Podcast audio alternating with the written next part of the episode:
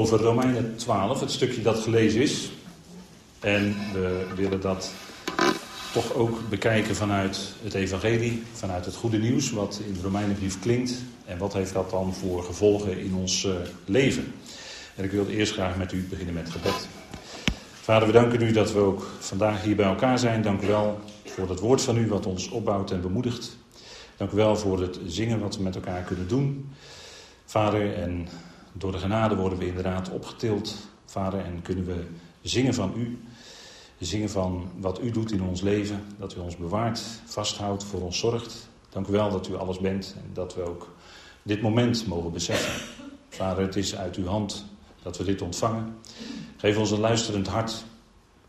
Geef ons geopende oren voor dat evangelie van U. En leid ons, Vader, dat we die dingen mogen spreken, die zijn tot opbouw, tot bemoediging. Vader, dat het mag zijn tot eer van u. Ook in ons leven, Vader, hoe dat verder klinkt. We danken u dat u dat geeft. We danken u daarvoor in de machtige naam van uw geliefde zoon. Amen. Je zou daarboven kunnen zetten, het stukje dat gelezen is, het evangelie in actie. Het krijgt, eh, zoals we dat wel eens tegen elkaar zeggen, het krijgt handen en voeten in ons leven. En wat eigenlijk bovenaan staat in dit gedeelte is Gods liefde. Dat is waar, de, waar Paulus dit stukje, of zoals we het gelezen hebben, wordt dit stukje daarmee geopend. En Paulus heeft veel meer gezegd over Gods liefde in deze brief, die hij schreef aan de Romeinen. En ik weet niet hoe het u vergaat, maar ik krijg daar nooit genoeg van, van Romeinen. Dat is een geweldige brief. Om te lezen, te herlezen, na te luisteren, noem maar op. En op die button staat hier Love Never Ends. En dat is ook die liefde van God waardoor we allemaal gedragen worden. De liefde die uiteindelijk uitgaat naar iedereen. En dat evangelie dat is niet bestemd alleen voor ons hier, maar is bestemd voor iedereen. En het werkt zich ook uit in ons leven. Het is die liefde, 1 Corinthië 13 vers 8 zegt, liefde de liefde, en dan gaat het over de agape, de liefde van God. De liefde valt nooit uit. Je kunt wel eens eh, in je huis eh, stroomuitval hebben. En dan is ineens alles donker. Dan heb je kaarsen nodig. Maar die liefde van God, die valt nooit uit. Dat is een stroom die nooit ophoudt.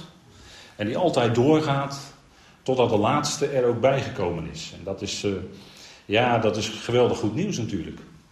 Daar kun je natuurlijk allerlei vragen bij hebben van ja, hoe doet God dat dan? En hoe gaat het dan in zijn plan? En hoe werkt dat dan? Nou, vandaag willen we even kijken, een moment naar hoe werkt dat dan in ons leven? Wij die die liefde hebben mogen ontvangen in ons hart. Paulus die zet uiteen in deze geweldige Romeinenbrief het evangelie van God. In de eerste vier hoofdstukken. En dan Romeinen 5 tot en met 8. En dat wil ik toch apart wel even accent geven. Het geheim van het evangelie. Het geheim van het evangelie is verzoening. Verzoening. God verzoende de wereld met zich, tot zich, toen Christus stierf. God was in Christus de wereld met zich verzoenend. Dat is eigenlijk het geheim van het evangelie. En dat is uh, iets dat je bij Paulus duidelijk hoort in deze hoofdstukken. Het komt zo duidelijk naar voren en het eindigt, het culmineert ook, dat achtste hoofdstuk, met die geweldige liefde van God dat niets ons kan scheiden van zijn liefde. In alles wat in ons leven gebeurt, wat passeert, wat zich voordoet, eh, waar we door getrukt of getriggerd, of hoe wil je dat tegenwoordig noemen, eh, in ons leven. Het is altijd die onderstroom van Gods liefde die daar is, die houdt nooit op. En naarmate je daar langer mee leeft en langer naar kijkt en meer van ontdekt, dan wordt het steeds dieper en steeds meer. En het is ook onuitputtelijk. God is veel groter dan, veel en veel groter dan dat wij zijn. Hij heeft alles in zijn hand. In de samenleving, in de wereld, wat ook gebeurt. Maar ook in ons persoonlijk leven, hij heeft alles in zijn hand. Het geheim van het evangelie, God. Bent verzoend met God. Dank God daarvoor. Dat is geweldig, hè? God heeft zijn zoon gegeven en die verzoening is toen, 2000 jaar geleden, tot stand gebracht. En het enige is, dank God ervoor. Als je dat hoort, als je dat beseft, als je daar van binnen iets gebeurt in je hart van, hé, hey, daar, ben ik, daar ben ik blij mee. Dank God ervoor. God en Israël, Romeinen 9 tot 11, nadrukkelijk die liefde van God voor Israël. Hè? God heeft zijn volk niet verstoten. Ook in deze tijd niet. God heeft zijn volk niet verstoten. Hij heeft het lief. En dat blijft staan, hè? dat is Romeinen 9 tot 11. Gedeelte wat nog wel eens anders wordt uitgelegd, alsof Israël wel ergens weg zou zijn gevallen of zo. Maar dat is niet het geval. God heeft zijn volk lief, hè? God en Israël. God is liefde en hij heeft zijn volk lief. Dwars door alles heen. Hij komt met ze tot zijn doel. Het evangelie in actie, dat is dan Romeinen 12 tot en met 16. En Paulus eindigt dan altijd zijn brieven met, hoe werkt zich dat nou uit in de praktijk? De liefde van God. En het eerste wat Paulus zegt, de liefde zij ongehuigeld. Ongeveinsd lazen we in de NBG. Dat is een wat ouder woord. Maar het betekent ongehuigeld. Ik kan ook zeggen, het is niet hypocriet. Het is niet doen alsof. En dat is God ten voeten uit. God is liefde. En hij doet niet alsof. Nee, het is bij God echt, echt liefde. Daar kun je van op aan. Die God die is daar. En hij is daar voor iedereen. Ieder die hem dankt, zal dat ervaren. De liefde ongehuigeld. En dat is eigenlijk wat boven dit stukje staat. En we lezen een aantal dingen die Paulus zegt. En in feite is de onderstroom daarvan is de liefde, is de liefde van God, is de agape. Dat is die belangeloze liefde. Liefhebben zonder dat je er zelf beter van wil worden. Liefhebben zonder iets, hè, iets liefhebben betekent dat je concreet iets doet op een of andere manier voor de ander. Liefhebben is, uh, kun je ook zeggen, liefhebben is dienen, maar dan belangeloos dienen. Dat, zo werkt het uit in de praktijk. je hebt talloze situaties waarin, en daarvoor zijn we eigenlijk ook geschapen als mens, als schepsels ten opzichte van God. Wij zijn geschapen om te dienen. We zijn niet geschapen om te heersen, dat, dat denken we wel eens in onze westerse samenleving. Maar de mens is eigenlijk geschapen om te dienen. Dat is de beste positie, de beste plek. Als je aan het dienen bent, dat is wat God bedoelt. En dan dienen vanuit de liefde. Hè? De liefde ongehuigeld. Dan is het echt. Het is niet meer alsof. Heb je met sportwedstrijden wel eens, dan, dan doe je een oefenpotje en dat is alsof. Maar als het de competitie is, dan is het voor het echi. dan is het, uh, daar gaan we er flink tegenaan. De liefde, zegt Paulus, en dat staat in feite boven dit gedeelte, ongehuigeld. En dat is concreet bij God. Hè? Dat is concreet bij God, want Paulus spreekt hier niet in een soort vacuüm. Hij spreekt niet in het luchtledige van: ik geef jullie een aantal prachtige adviezen mee. Want uh, als, als dit er niet onder zou zitten, dit evangelie, ja, dan zou het allemaal prachtig klinken, heel humaan. En ga er maar aan staan, hè? ga er maar mee aan de slag morgen. Nee, dit zit eronder. God echter bevestigt op bewijs zijn liefde voor ons dat Christus, toen wij nog zondaren waren, voor ons stierf. Kijk, dat is liefde. En Paulus die zegt nog iets geweldigs daarachteraan in Romeinen 5, dat is het geheim van het evangelie. Dat hij ons met zich verzoende door de, doorheen de dood van de zoon. De dood van zijn geliefde zoon. Dat is wat hoor. En dat woord uh, bevestigen, dat, wil, dat is eigenlijk heel letterlijk. Als je kijkt naar Golgotha, dan even mensvormig gesproken, dan staat God daarnaast en zegt: Kijk, ik geef mijn zoon voor jullie. Hij staat daarnaast, hij staat daarbij. Hij zegt: Ik geef mijn zoon voor jullie. Voor wie? Voor zondaren, vijanden. En, en dat is het paradoxale, dat is het tegenstrijdige in het evangelie. Uh, normaal gesproken vinden wij iedereen aardig die ons aardig vindt en die tegen ons aardig doet. Maar in de Bijbel komt naar voren dat de heer Jezus zei het al tegen zijn volk: bid voor je vijanden. Voor wie? Voor je vijanden. En het Evangelie zegt: heb je vijanden lief. Dat is wat. Ga er maar aan staan. God is daar aan gaan staan en die heeft dat bewezen 2000 jaar geleden. Die liefde van God is dus concreet. Daar stond een kruis en daar hing zijn geliefde zoon aan. En dan moet ik altijd denken aan Abraham en Isaac. De binding van Isaac hè, is een thema in het Jodendom. Maar hij moest zijn eigen zoon daarop dat hout leggen. Hij moest hem op het hout binden. En wat zal er dan allemaal aan gedachten door Abraham heen zijn gegaan? Zijn eigen zoon Isaac, waar hij 13 jaar op gewacht had. Of nog langer met Sarah. Maar God gaf het leven uit de doden en dan moest hij notabene zijn eigen zoon moest hij op dat hout binden.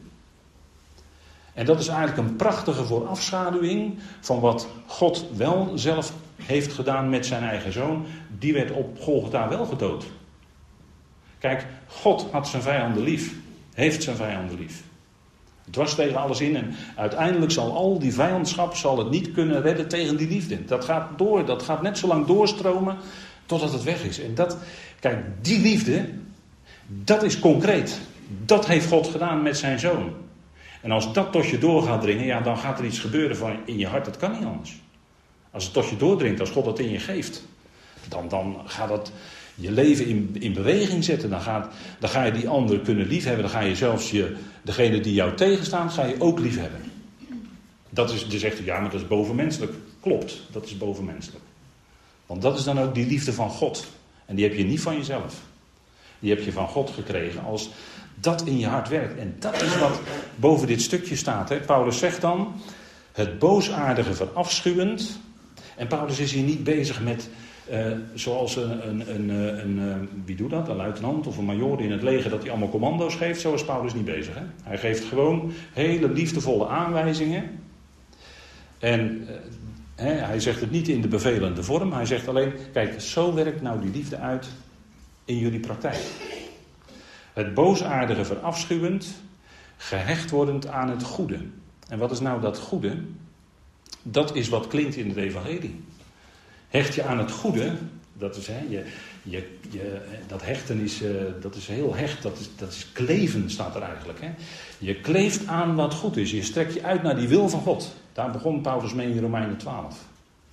Dat je lichaam stelt, hè, als je dat evangelie hoort, dan zeg je, God, dank u wel. Ik wil mijn lichaam stellen in uw dienst. Je leven stellen, je, je lichaam stellen in dienst van God.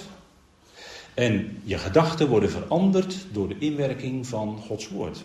Je, je denken wordt vernieuwd. Vernieuwd.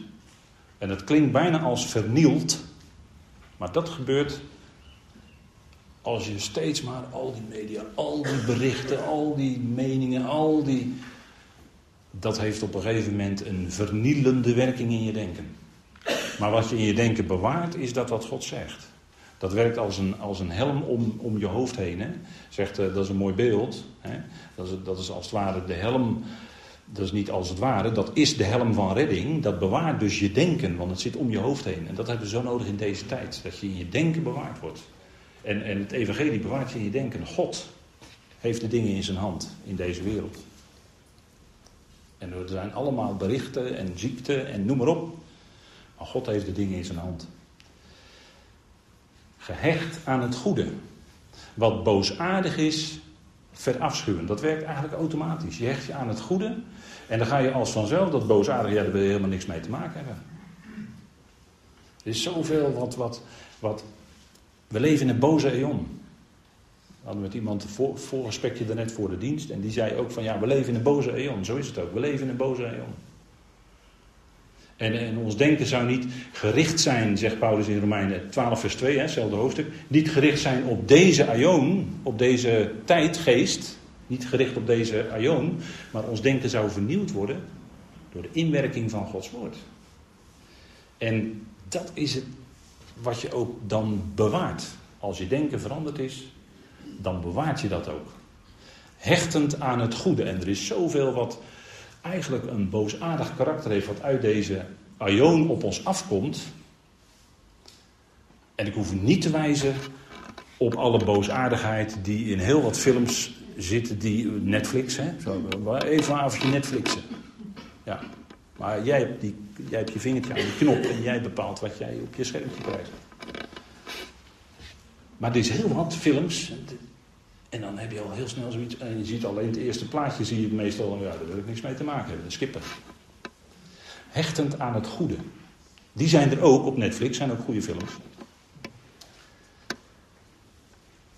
Maar dat is het punt, hè? Je gaat daar een keuzes maken. En die keuzes, dat zit, gebeurt toch ergens hier, hè? En als het hier veranderd is, vernieuwd is, je denken, dan wat je keuzes worden, gaat het bepalen, gaat veranderen. En dan hecht je aan het goede. En Met het wil ik niks te maken hebben. Ik wil, ik wil dat goede, dat wil ik. En dat goede van het evangelie is, wat, wat God heeft laten zien door zijn eigen zoon te geven, is onzelfzuchtig de ander op het oog hebben. Dat is punt. Hè? Je hebt geen rekeningetje of zo van uh, je houdt een uh, Excel-bestandje bij. Van nou dat voor die, goed, die gedaan, dat voor die gedaan. En vorige week heb ik dat voor die gedaan. En uh, nou moet die andere kant, moet ook, er moet ook wat van die andere terugkomen. Nee, die andere kant is er niet. Als je lief hebt. Hè, liefhebben is geven. Punt. En dat is wat God doet. Hij geeft. Geeft.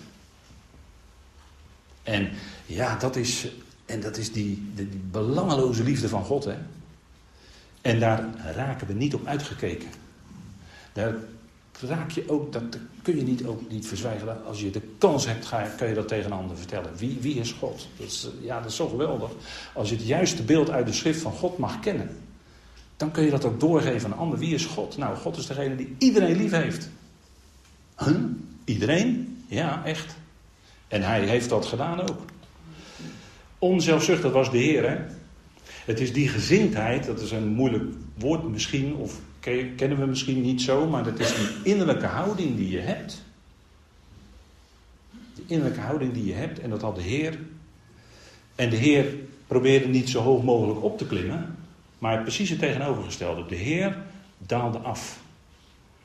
Hij kwam naar de hoogte en hij ging naar de laagte. Hij ging zo diep mogelijk. En als je Filippenzen 2 leest, dan is het dat hij in de vorm van God was. Hij had een enorme heerlijkheid. Hij was, hij was geweldig groot. Maar dat heeft hij afgelegd. Dat, daarvan heeft hij zich leeg gemaakt, staat er dan. En als, toen hij mens was, kwam hij in de vorm van een slaaf. En toen verootmoedigde hij. En twee keer komt dat streepje dan in Filippenzen 2 door zichzelf. Dus hij was niet ontzettend bezig om zichzelf. Nee, juist niet. Juist niet. Hij wilde de anderen dienen. Dienen. En daarin cijferde hij zichzelf volkomen weg. Hoe ver ging dat? Tot en met de dood van het kruis, zegt Filippenzen dan. Hè? En dat is eigenlijk de. Ja, dat is voor ons, dat leert ons. Dat is de houding. Als wij gelovigen zijn, is dat het voorbeeld, Filippenzen 2, zoals de Heer zijn houding was en nog steeds is, ootmoedigheid, laag. En is voor ons nog steeds de houding als voorbeeld, hè? die houding. Hij verootmoedigde zichzelf.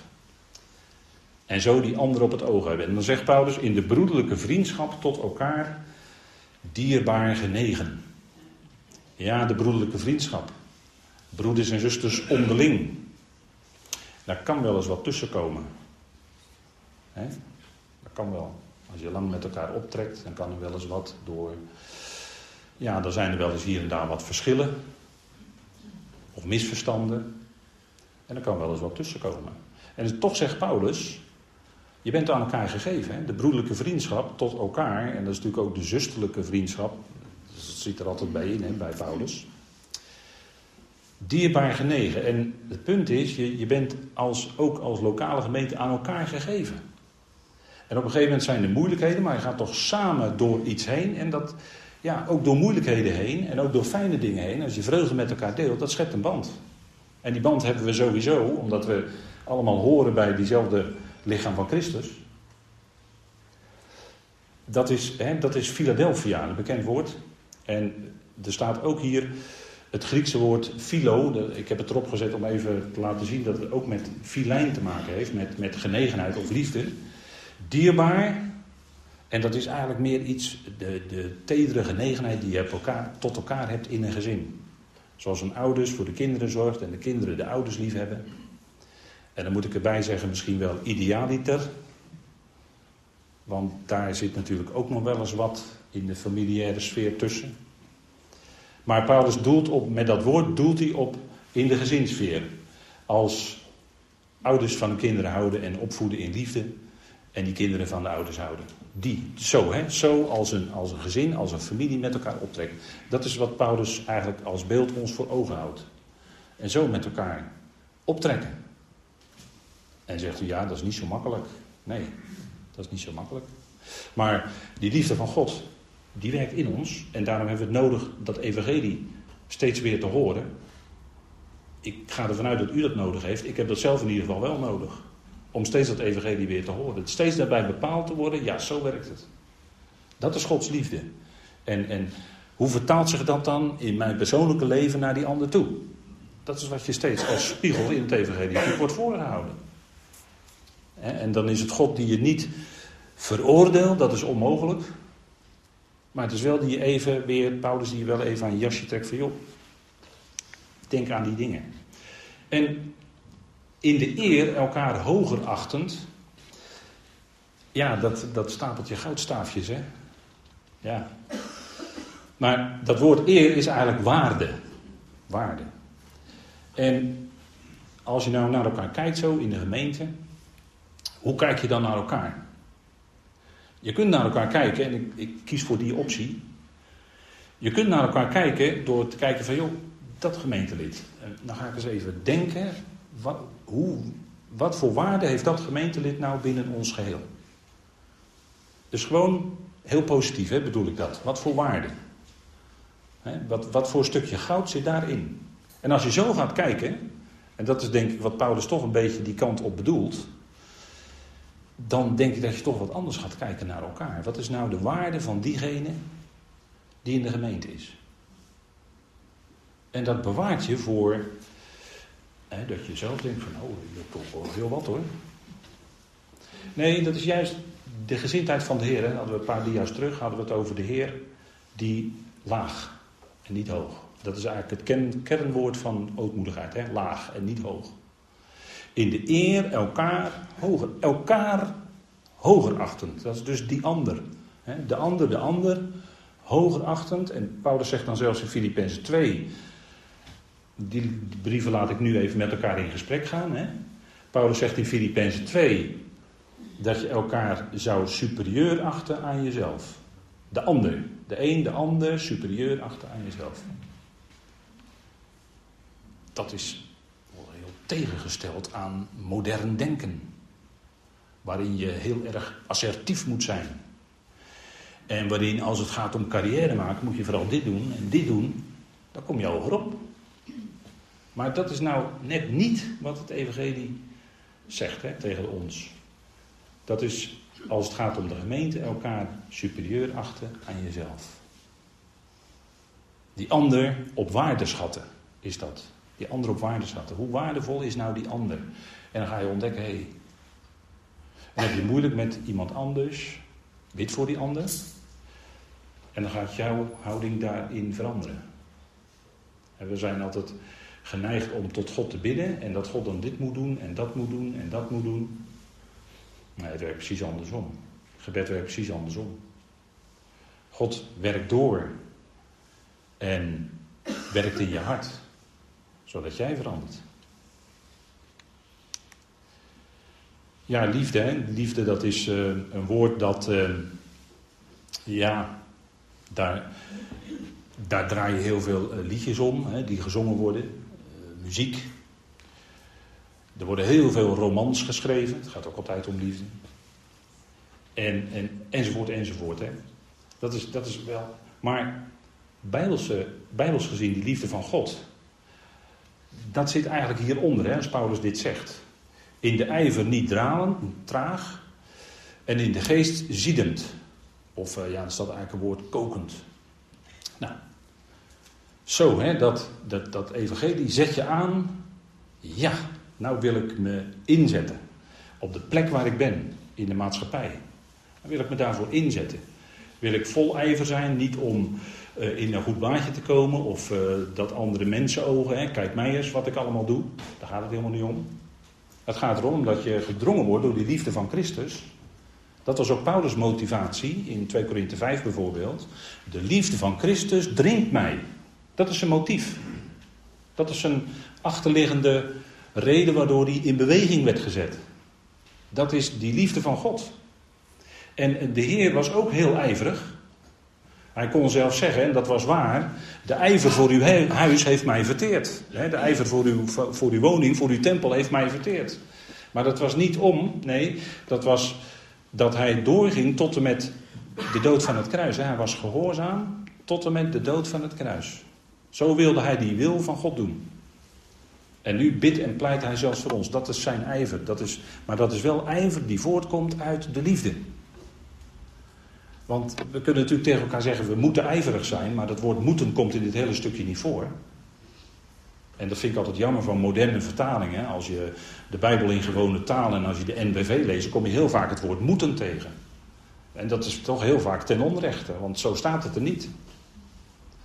Maar het is omdat die liefde van God in je hart werkt, daarom wil je vol ijver bezig zijn. Wil je dat doen wat op je weg komt, wat, wat God op je weg brengt. De prediker zei het al, doe wat je hand vindt om te doen. Maar dat kun je doen vanuit die rust. Het is niet omdat je graag iets wil bereiken.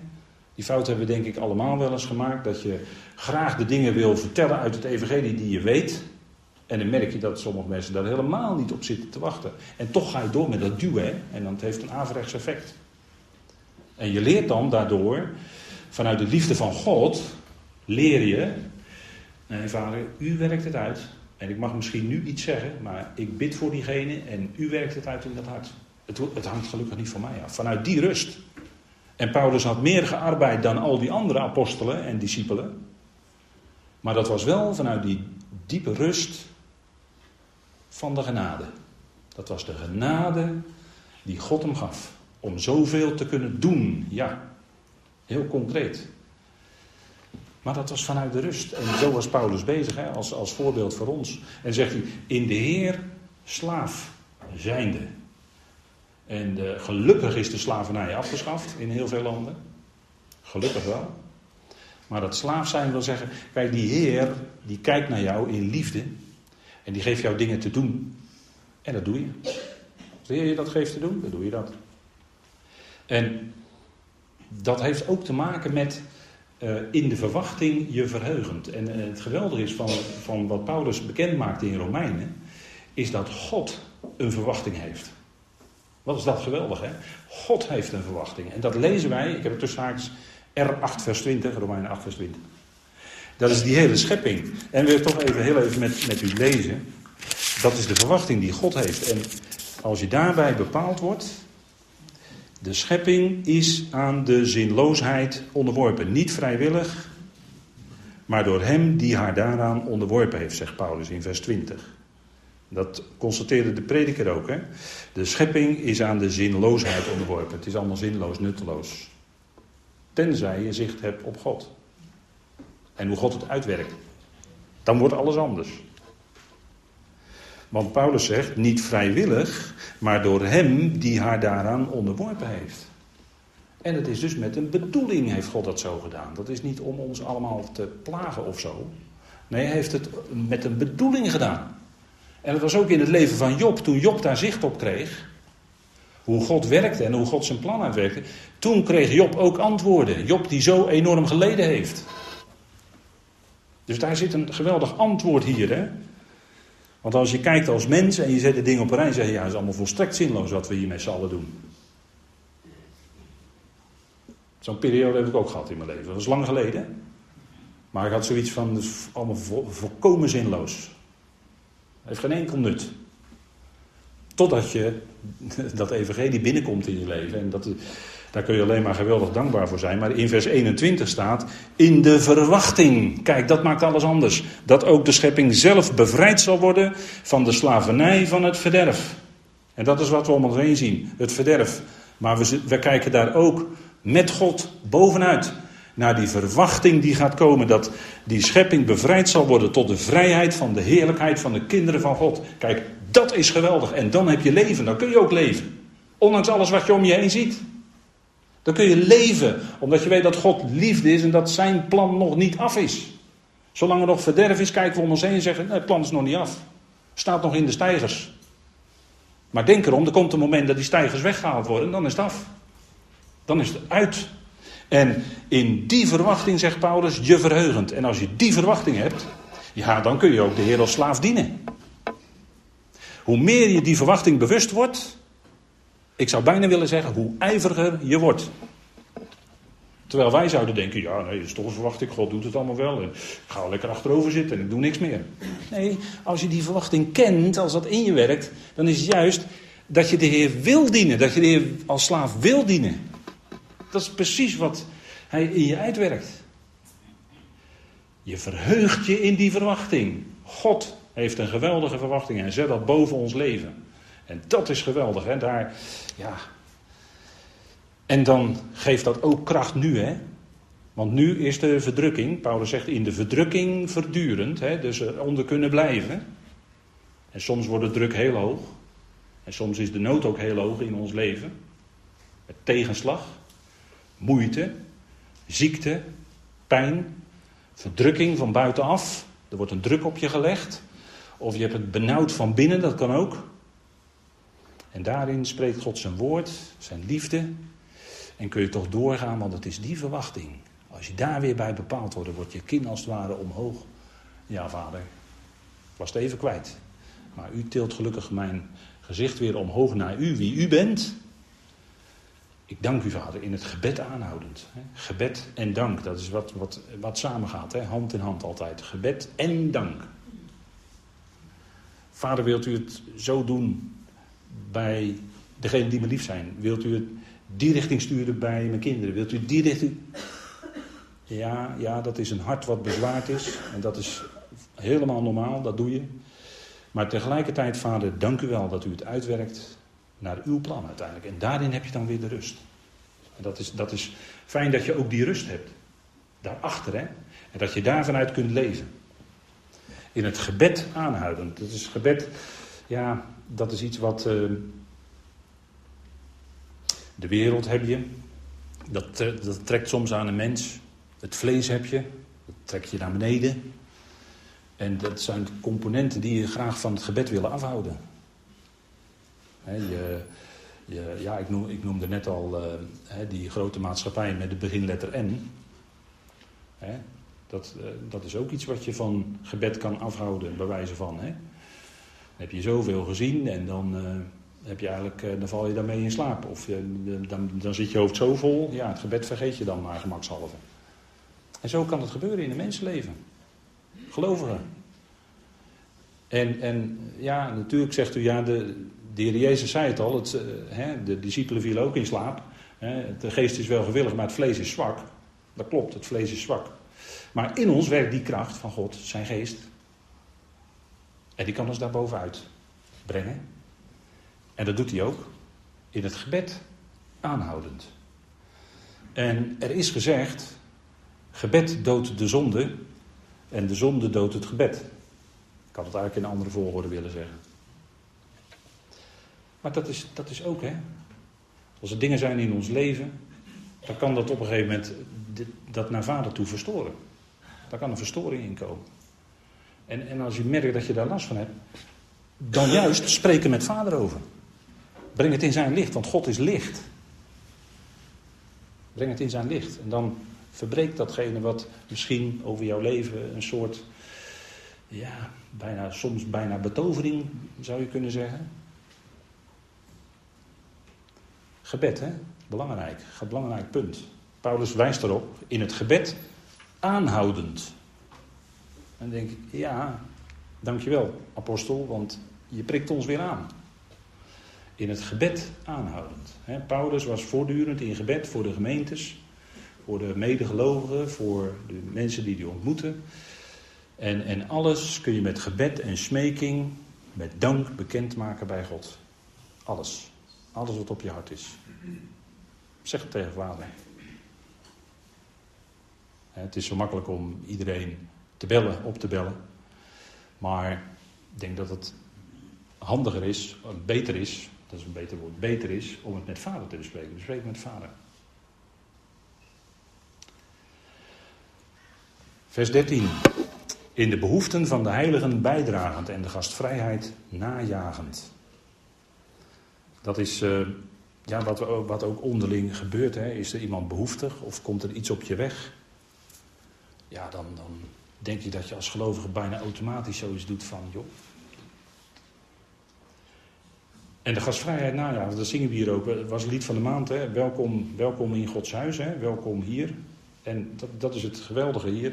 Hè? Als we een, een, dienst hebben met elkaar, is iedereen welkom. Kom luisteren, fijn. Fijn dat je er bent. Ongeacht wie het is die binnenstapt. Fijn dat je er bent. Je bent welkom. En dat is gastvrijheid najagen. En ja, tegenwoordig kennen we dat niet meer zo in onze huizen. Maar ik heb wel de eigen ervaring dat ik in een huis woonde bij mijn ouders. Die hadden een logeerkamer. Dus als er dan iemand kwam, of er kwam ook wel eens een, eh, een evangelist die dan op reis was en die overal sprak. En die kon dan, logeerkamer, die kon dan overnachten. Gastvrijheid. Gewoon heel simpel gebaar. Maar toch, hè. De gastvrijheid, en Paulus zegt zelfs najagen. Dat is wel een sterk woord, want het is hetzelfde woord als vervolgen. Hè?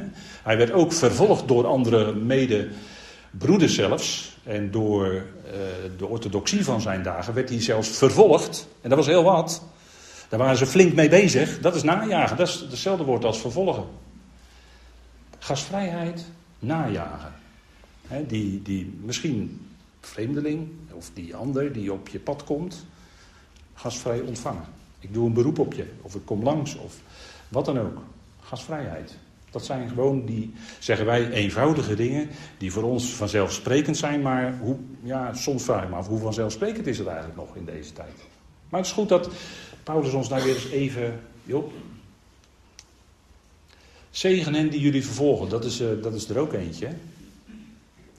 Zegen hen die jullie vervolgen, zegen en vervloek niet. Kijk, als die ander jou. Vervloek is eigenlijk naar beneden toe halen door je woorden. Als ik het heel letterlijk zeg, neerverwensen. En uh, door je woorden, nou dat is ook ons jaarthema. Hè? Mogen de woorden van mijn mond. Want oh, oh, die mond. Roddel is, gaat zo snel, hè? Van de week uh, las ik daar een verhaaltje over. En uh, de, de was, was in een Joodse gemeenschap. En uh, er was iemand aan het roddelen. en er werd over geklaagd bij de rabbi. Zij, toen kwam diegene die zo roddelde bij de rabbi. En toen zei die rabbi van, joh, hier heb je een kussen vol met veren. En snij daarin en strooi die veren nou eens in het rond. En die vroeg zich natuurlijk af, waarom moet ik dat nou doen? En die veren, die, er was buiten, die veren werden allemaal meegenomen door de wind. Toen zei die rabbi tegen die roddelaar, van joh, dat gebeurt er ook met jouw woorden. Dat waait allemaal weg en komt overal terecht en je kunt het nooit meer terughalen. Want je zou al die veren wel weer terug willen stoppen in dat kussen, want ja, zonde van je kussen. Maar al die woorden, al die roddel, is overal naartoe weggewaaid en je kan niet meer terughalen. En toen had die roddelaar het wel begrepen. En het vond ik wel een mooi voorbeeld. Hè? Wijs van zo'n rabbi. Nou, Paulus zegt, Zegen hen die jullie vervolgen. Zegen is letterlijk goed spreken van. En dat, is, dat zit ook een beetje in dat die, andere, die goudstaafjes, die anderen op waarde schatten. als je nou met elkaar eens over de medegelovigen spreekt, zeg dan goede dingen over die medegelovigen. En dan moet je misschien wel even nadenken bij sommigen. Of kom ik nou te dichtbij? Maar vraag je dat eens af, wat is nou die waarde van die medegelovigen? Spreek er met die jongen, weet je, die, ja, die doet dat, dat. Oh, hartstikke fijn doet hij dat en dat, ja. Kijk, en dan doorbreekt dat zo'n ketting. Daar vandaar het plaatje van die ketting. Want als jij doorgaat, als jij meegaat in dat elkaar naar beneden toe praten, dan hou jij die ketting in stand. Maar door te zeggen, nee joh, ik, ik, ik, heb wel, ik heb best wel wat goeds te melden over die en die. Dan doorbreek je die ketting. En ik denk dat Paulus dat een beetje bedoelt. Hè? Zegen en vervloek niet. Dus hij zegt twee keer zegenen en vervloek niet. Dat is dan negatief gesteld. Hè? Dus dat halen we dan een streep doorheen. Goed spreken. Dat is, ja, dat is, en dat, is, dat kun je doen als die liefde van God in je werkt. Dat is de onderstroom hier hè, van het hele gedeelte. En je verheugt met hen die zich verheugen en weent met de wenenden, met elkaar meeleven. Je zegt, ja, dat is, dat is ook vanzelfsprekend dat je dat doet. Ja, maar dat is niet voor iedereen zo vanzelfsprekend. En vandaar dat Paulus er toch op moest wijzen hier. Je verheugt met hen die verheugen. Ja, hartstikke fijn. Dat is fijn. Hè. Als de bruiloft is feestje, dan komen we wel. Ja. Maar nu ook weent met hen die wenen. Als mensen verdriet hebben. Een uitvaart. Of wat dan ook. Mensen verdriet hebben op een of andere manier. En kom je ter oren. Meeleven, tonen. Ik denk dat dat zo'n, ja, dat het werkt. En dat het eigenlijk gewoon is als je dat met elkaar doet. Hetzelfde tot elkaar gezind zijn. dat is die houding. Gezind zijn is een, is een innerlijke houding, is waar, waar je toe geneigd bent. Niet gezind op hoge dingen, maar wordt meegevoerd met de nederige. Daar heb je het weer, hè? dat nederige, dat lage. Meegevoerd worden met, ja, met al diegenen die je zo in het lichaam van Christus tegenkomt. En dan zeg je, ja, dat zijn nou niet altijd mijn types. Nee. Maar je komt ze toch tegen en het zijn toch je broeders en zusters. En dat is ook geen reden om, want, want kennis, dat kan heel snel opgeblazen maken. Kennis maakt opgeblazen, zegt Paulus in 1 Corinthië 13. Maar dan zegt hij tegelijk, en daar zijn we vandaag ook mee bezig, de liefde sticht, de liefde bouwt op. dus het gaat niet om wat we allemaal met elkaar mogen weten, dat is geweldig, dat is heel fijn, heel fijn. Maar het zou leiden tot dit. Hè? Wordt niet gezind naast jullie zelf. En dat is eigenlijk, uh, ga niet naast je schoenen lopen. Of ga niet naast je schoenen staan. Want dat kun je ook doen hè, als gelovige. Van, ja, je, je, je merkt op een gegeven moment in gesprekken misschien wel met anderen dat je iets meer mag weten. En dan kan het heel snel zijn dat je naast je schoenen gaat lopen. En Paulus wijst er dan ook op. En hij sluit dit stukje af met wees niet eigenwijs. En eh, tegen ons als Nederlanders is het denk ik wel, ja, die kunnen wij als Nederlanders, wel, Nederlanders allemaal wel in onze zak steken. Hè? Wees niet eigenwijs. Hè? Wees niet hoger dan jezelf. Want in Nederland hebben we zoveel splitsingen en, en, en uh, zoveel groepen. Er zijn net weer twee grote gereformeerd vrijgemaakt. De Nederlands gereformeerd zijn dan al 50 jaar weer bij elkaar gekomen. Hè? Dat is fijn. Dat is fijn. Maar er zijn nog talloze groepjes en splintergroepjes. Dat is Nederland. En dus allemaal allemaal, hè, als je dat een beetje gaat nalezen, soms hier en daar, dat is allemaal toch heeft met deze dingen te maken. Hoor, dat mensen zich wel meer voelen of beter voelden, of het verbond beter kenden, of wat dan ook allemaal. Maar Paulus die wijst nou precies de andere richting op. En dat is ook wat hij zegt in Romeinen 15. Daar zegt hij, en daar wijst hij op God. En dat is natuurlijk altijd waar het om gaat: de God van de volharding en van de vertroosting. Dus hij geeft je volharding, dat je eronder kunt blijven. In druk en lijden en verdrukkingen. En van de vertroosting. Hij is de God van alle vertroosting. Hij troost ons in ons verdriet. En hij gebruikt daar ook elkaar voor om te troosten. Mogen jullie geven onderling hetzelfde gezin te zijn. In overeenstemming met Christus Jezus. En wat bedoelt hij dan? Nou, dus die gezindheid van Christus Jezus. Die gezindheid, dat je niet de een boven de ander wil verheffen, maar juist die ander hoger acht dan jezelf. Dat is de lijn die Christus Jezus bewandelde. Ootmoedigheid. En dat is wat, wat Paulus hierop wijst in overeenstemming. Hetzelfde gezin te zijn, opdat jullie eensgezind met één mond de God en Vader van onze Heer Jezus Christus verheerlijkt. Daarom aanvaardt elkaar zoals Christus ons aanvaard heeft tot de heerlijkheid van God. En dat is, dat is ook weer even zo'n notitie. Als je kijkt naar die, hoe je elkaar waardeert. Hè, ik denk dat dat best wel eens goed kan zijn om gewoon je waardering naar elkaar uit te spreken. Want die ander die je tegenkomt, die is kostbaar voor God. Christus heeft ons aanvaard tot heerlijkheid van God. Wie? U, jij en ik, wij allemaal. En hij is zo ver gegaan dat hij voor u, jou en mij dat heeft gedaan wat 2000 jaar geleden gebeurde. Zo kostbaar ben je voor hem. En zo kunnen we ook naar elkaar kijken. Het is die ander die je tegenkomt voor wie Christus stierf. Dat is een leidraad bij Paulus. Als het gaat over onderlinge meningsverschillen over dingen. Of over eten of het houden van dagen. Of, hè, daar gaat het dan soms even concreet om. Maar dan zegt Paulus. En dan wijst Paulus ons de weg. welke houding neem je daarin in? Dat is als je ook beseft dat, die, dat Christus voor die ander stierf. Zo kostbaar is die ander in zijn ogen. Zo. En dan ga je anders kijken naar die ander. Dat, hè, dat, dat is ook een verandering van binnen in je denken, in je hart. En dan ga je anders kijken. Want als er iets verandert in je hart, dan verandert eigenlijk alles. Want vanuit, dat is ook het jaarthema, hè, mogen de woorden van mijn mond en de overwegingen, de overleggingen van mijn hart u welgevallig zijn. Het goede, het welgevallige en het volkomene. Daar, daar stek je naar. Dus de wil van God. En door die liefde in je hart ga je anders kijken. Ga je anders denken. Ga je anders leven. Ga je je houding bepalen naar die ander. Het verandert eigenlijk alles.